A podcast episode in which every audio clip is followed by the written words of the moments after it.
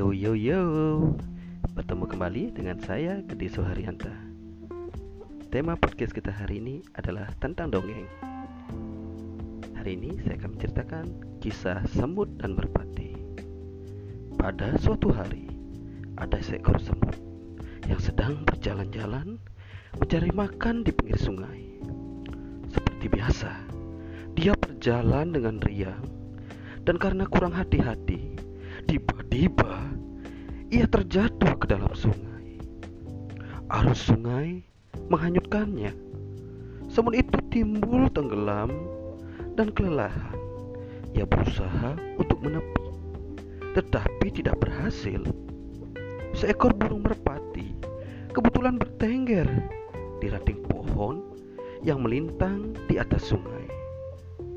Melihat semut yang hampir tenggelam dan merasa iba, burung merpati ini memetik daun dan menjatuhkannya di dekat semut. Semut merayap naik ke atas daun.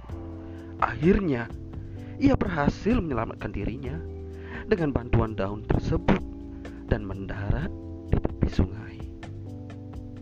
Tidak lama kemudian, sang semut melihat seorang pemburu sedang mengendap-endap berusaha mendekati burung merpati yang telah menolongnya tadi. Semut menyadari bahaya yang membayangi merpati yang baik tersebut. Ia segera berlari mendekati pemburu dan menggigit kaki sang pemburu. Pemburu itu kesakitan dan terkejut. Ia mengibaskan ranting yang tadinya akan digunakan untuk menangkap burung. Burung merpati menyadari keberadaan pemburu yang sibuk mengibas-ngibaskan ranting. Akhirnya, sang burung pun terbang menyelamatkan dirinya.